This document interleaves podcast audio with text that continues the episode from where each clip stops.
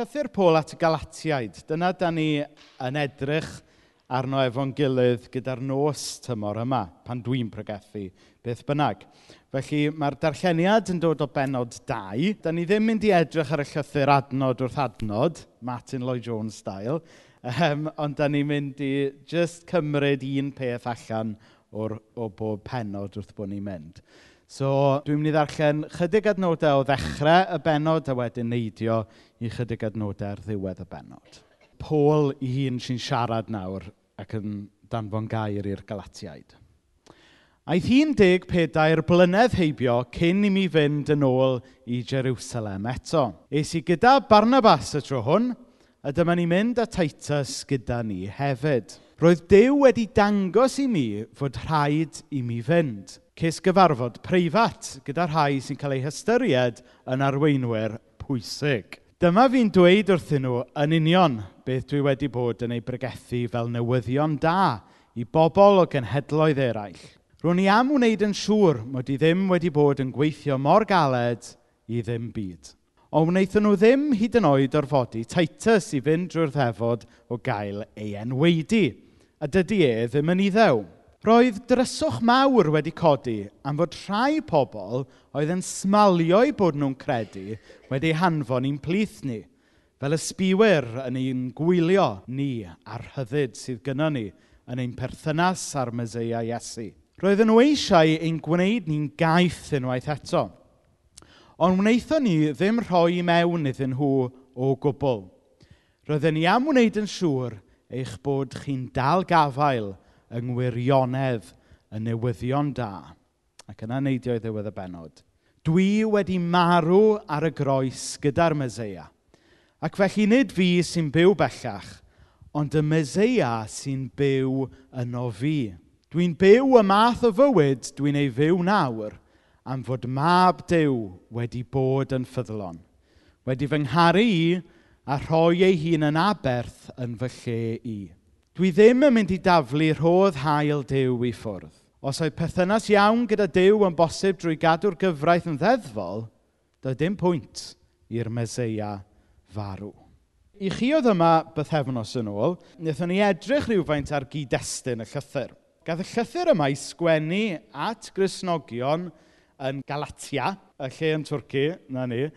Oedd hwn yn lythyr gath i sgwennu at y grisnogion yma, oedd heddiw yn neu Twrci, oedden nhw wedi credu y newyddion da oedd Paul wedi bregethu. Sef bod rhywun yn dod yn iawn efo Dyw, bod rhywun yn dod yn un o bobl Dduw drwy ffydd yn Iesu y Meseia. Ond wedyn, oedd yna rhyw bobl eraill wedi dod mewn atyn nhw a dweud, chi'n gwybod y boi Paul yna, mae e'n siarad lol. Mae eisiau chi gadw at y defodau a'r traddodiadau iddewig, yn benodol enwedu, os ydych chi go iawn eisiau bod yn un o bobl ddew. A dyma Paul yn amlwg yn siomedig iawn fod y Cresnogion yma wedi llithro nôl i'r ffordd yna o feddwl. A wnaethon ni feddwl do, mae e'n hawdd iawn i ni lithro nôl i rywbeth falle ni'n fwy cyfarwydd gyda fe. A wnaethon ni edrych ar rai enghreifftiau diniwed a rhai enghreifftiau fwy difrifol. Felly dyna oedd y cyd-destun.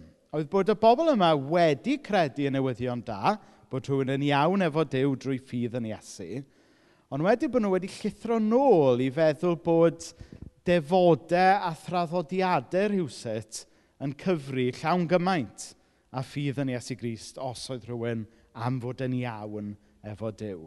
Felly, mewn ffordd, llythyr ydy hwn yn galw arnyn nhw ddod i'w synwyr ac ail afel yn y wir newyddion da, sef mae'r unig beth sydd yn cyfru yw ffydd yn Iesu Grist. Felly, dyma yw y thema mae Paul yn ei drafod fwy na heb trwy y llythyr. Ac yn benodol, mae'r isiw yma o enweidi yn beth mawr enweidi. Dyw, e- dyw e ddim yn rhywbeth y bod rhywun yn dymuno siarad amdano fe, ond mae rhaid i ni mewn ffordd, achos dyma ydy y peth sy'n preoccupio y Galatiaid ac yn preoccupio Pôl yn y llythyr yma. Nawr, trwy ras Dyw yn llythrenol, dydy enweidi ddim yn rhan o'n ffydd grisnogol ni yng Nghymru heddiw. Ond mae'r mae'r arfer yma o enweidi yn rhywbeth mae diwylliannau, nid jyst y grefydd iddewig, ond mae yna wahanol ddiwylliannau trwy y byd heddiw dal yn arfer uh, hyn. A nes i, gyda llaw, os nes i wneud mistake mawr wrth hyn wrth Bartau Brigad, nes i roi, nes i roi, nes i roi circumcision mewn i Google Images. Ond beth bynnag am hynny, ond nath na un peth da ddod lan, sef Um, mae hwn yn anhygoel, sef m- hwn yn fap sy'n dangos yr, y cyfraddau o bobl trwy y byd sydd wedi cael ei enweidi. Rannau o ogledd Africa lle mae dros 90% o ddynion wedi enweidi, a dydy rhain ddim o reidrwydd yn ardaloedd iddewig. Mae, mae e'n arfer, mae lot o ddiwylliannau yn ei arfer a wedyn mae'r nifer rhywfaint um, yn is yng ngorllewin Ewrop, ond mae, mae America, mae, mae e'n arfer diwylliannol yn America. Mewn rhai gwledydd mae'n digwydd am resymau iechyd, ond yn y rhan fwyaf o lefydd mae'n digwydd oherwydd resymau diwylliannol. Ac ar rywydd, i chi'n gallu deall pam. Oherwydd mae e'n rhywbeth di a gwyn, yn dydy? Mae rhywun allai wedi cael ei enweidi, neu dyw e heb cael ei enweidi. Meddyliwch chi am bethau eraill diwylliannol fel dwedwch bwyta bwydydd arbennig neu peidio yfed. Mae hwnna'n... dyw hwnna ddim yn fater di a gwyn achos allech chi fod yn dweud bod chi ddim yn bwyta cig moch ond wedyn eich chi fynd adre tu ôl drws caeedig a bita fai bynnag y gig moch as hoffech chi. Mae arwel dal i dderbyn Seren Cymru er mwyn ymddangos fel bod e'n fydyddiwr trew, ond dwi'n gwybod bod e'n mynd syth i'r algylchu. Chyfod, chi'n deall y pwynt sy'n gyda fi? Ond, ie, yeah, yn hollol. Dyna pam wyt ti dal yn ei dderbyn e, er mwyn, er mwyn rhoi y ffasad dy fod ti yn, yn fedyddio'r e, tryw. Ond chi deall y pwynt, yn mae yna rai arferion diwylliannol, mae'n hawdd iawn i ffugio nhw. Ond gyda enweidi, chi'n allai wedi neu chi heb. Mae e'n fater di a gwyn. A dyna pam mae'n debyg, oedd un o'r rhesymau pan faser traddodiad iddewig fel sawl diwylliant arall yn ei gymaint o safiad dros hwn. Chos hwn oedd yr y marker os yw rhywun yn y traib neu ddim yn y traib. Dyma oedd yr y mater di a gwyn. Da ni wedi chwerthin, da ni wedi cael rhyw awkward smile o'r feddwl am enweidi heno. Ac um, ni'n cofio clywed pregethwr unwaith yn dweud, tasau, tasau'r er Cresnogion Iddewig yma wedi cael ei ffordd, a bod yr arfer yma yn wedi, wedi i basio lawr trwy'r cenedlaethau, a mae hwn oedd y marcer os oedd rhywun yn wir aelod o'r eglwys neu ddim, bydde fe'n sicr yn ei gwaith diaconiad yn fwy diddorol. Dyna oedd y sylw. Ond be bynnag am hynny. Ond o ddifri nawr, gadewch i ni ddifrifoli chydig bach. Dyda ni ddim yn enweidi yn ein traddodiad ni heddiw, ond tybed a da ni mewn ffordd arall. Tybed ydan ni'n gallu bod yn euog weithiau o ddweud a pregethu mae ffydd yn Iesu Grist ydy beth sy'n ei rhywun yn iawn gyda Dyw, ond mewn reality bod ni yn debyg i'r bobl yma yn chwilio am ryw indicators diwylliannol ac allanol cyn y gwnewn i dderbyn bod rhywun yn berson Dyw go iawn. Y tybed, yn yn ffordd yn hunain, bod ni'n gallu llithro i'r un trap a'r bobl yma, oedd yn dweud y pregethu bod ffydd yn Iesu yn ddigon, ond mewn reality yn disgwyl pobl i gyrraedd rhyw nod neu actio mewn rhyw ffordd diwylliannol tebyg i ni. Achos beth oedd tu ôl y cwestiwn yma. A, a rheswm pan bod Paul yn siarad mor glir a chadarn yn y llythyr yma, yw achos dyma'r cwestiwn sy'n tu ôl y cwestiwn fel petai, ynddo fe? Sef pwy oedd yn cael perthyn i deulu dew? A mae hwn yn gwestiwn pwysig, yn dydy. Ddim ar chwarae bach i ni'n ni ateb y cwestiwn yma. A dwi am awgrymu tri ffordd beth bynnag le da ni, os i ni ddim yn gwylio, yn gallu llithro mewn i'r un, well, heresi, os gawn ni alw fe yn hynna. Yr un cyntaf yw bod ni yn gallu gadael ein chrysnogaeth ni oherwydd bod e wedi briodi mor agos i'n diwylliant Cymraeg ni am resymau hanesyddol, am resymau iawn. Ond bod ni bron yn gallu gadael i hynna wedyn ddod fel enweidi. So, bod ni'n dweud y pregethu mae ffydd yn Iesu, sy'n neud rhywun yn iawn efo dew, ond mewn reality, i ni'n disgwyl iddyn nhw hefyd optio mewn i'n diwylliant Cymraeg, falle chydig bach yn dosbarth canol, diwylliant y pethau, cyn y gwnewn i dderbyn i bod nhw go iawn yn un o bobl Dyw fel ni. A dwi'n meddwl bod hwn yn her i ni fel eglwysu a Cresnogion Cymraeg digwydd bod pnawn yma, o'n i'n um, sgwrsio gyda therapydd llyferydd sydd yn arbennig yn gweithio gyda plant o gefndiroedd difreintiedig. Ac oedd hi'n dweud bod mae'r ardal difreintiedig mae hi yn byw gyda, bod yr eirfa mae rhai'r plant yna'n clywed pan maen nhw'n ifanc fel mae cadog ni rwan, yn afridjo yn cant o eiriau'r diwrnod – lle mae'r national average o faint o eiriau mae plentyn yn clywed yn 500 o eiriau y diwrnod. Anhygoel, yn dydy? Felly, chi deall y pwynt? A wedyn, o'n i jyst yn meddwl wedyn wrth bod hi'n siarad, wel, beth ydy oblygiadau hynna i ni fel eglwys, pan i ni wedyn eisiau cyfathrebu'r newyddion ynglyn â Iesu da? Ydyn ni yn cyfathrebu'r efengil i bobl gyda 500, sy'n clywed 500 o eiriau diwrnod, neu pobl sy'n siarad Cant o eiriau diwrnod.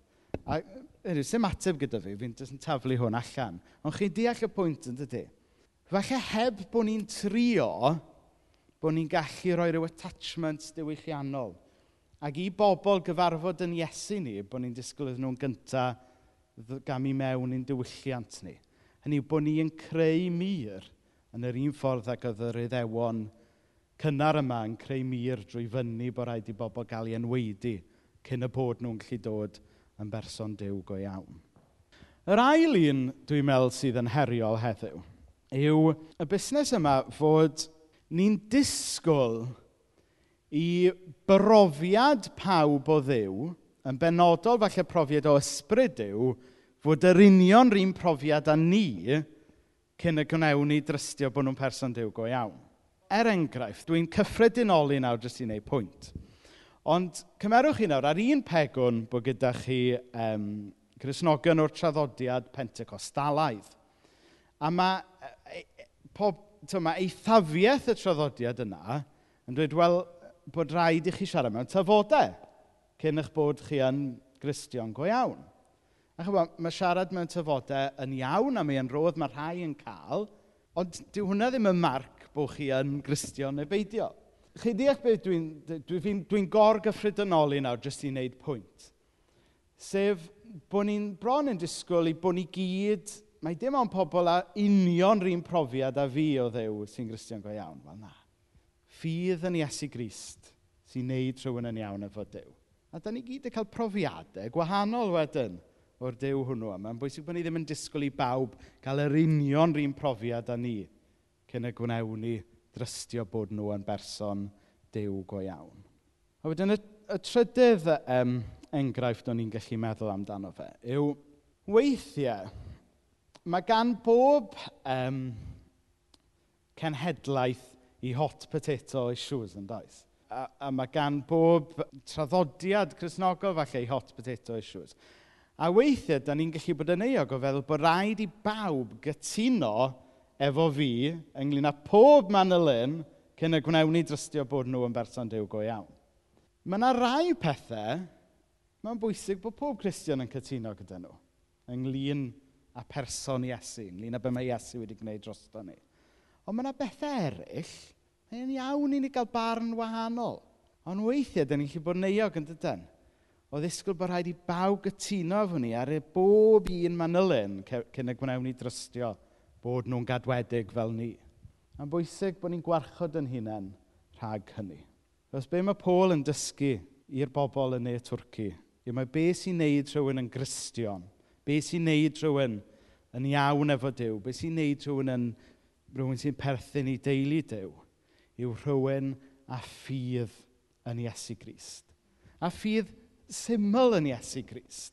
Ni mae ffydd syml yn Iesu Grist yn ddigon oherwydd gwaith Iesu sy'n cyfru yn y diwedd. Problem fawr y Galatiaid oedd bod nhw wedi llithro i feddwl fod cadw y ddefod yma yn weidi, fod cadw yr arferion diwylliannol yn cyfru gymaint a ffydd yn Iesu. A mae'n bwysig bod ni'n gwarchod yn hunain rhag gwneud yr un camgymeriad.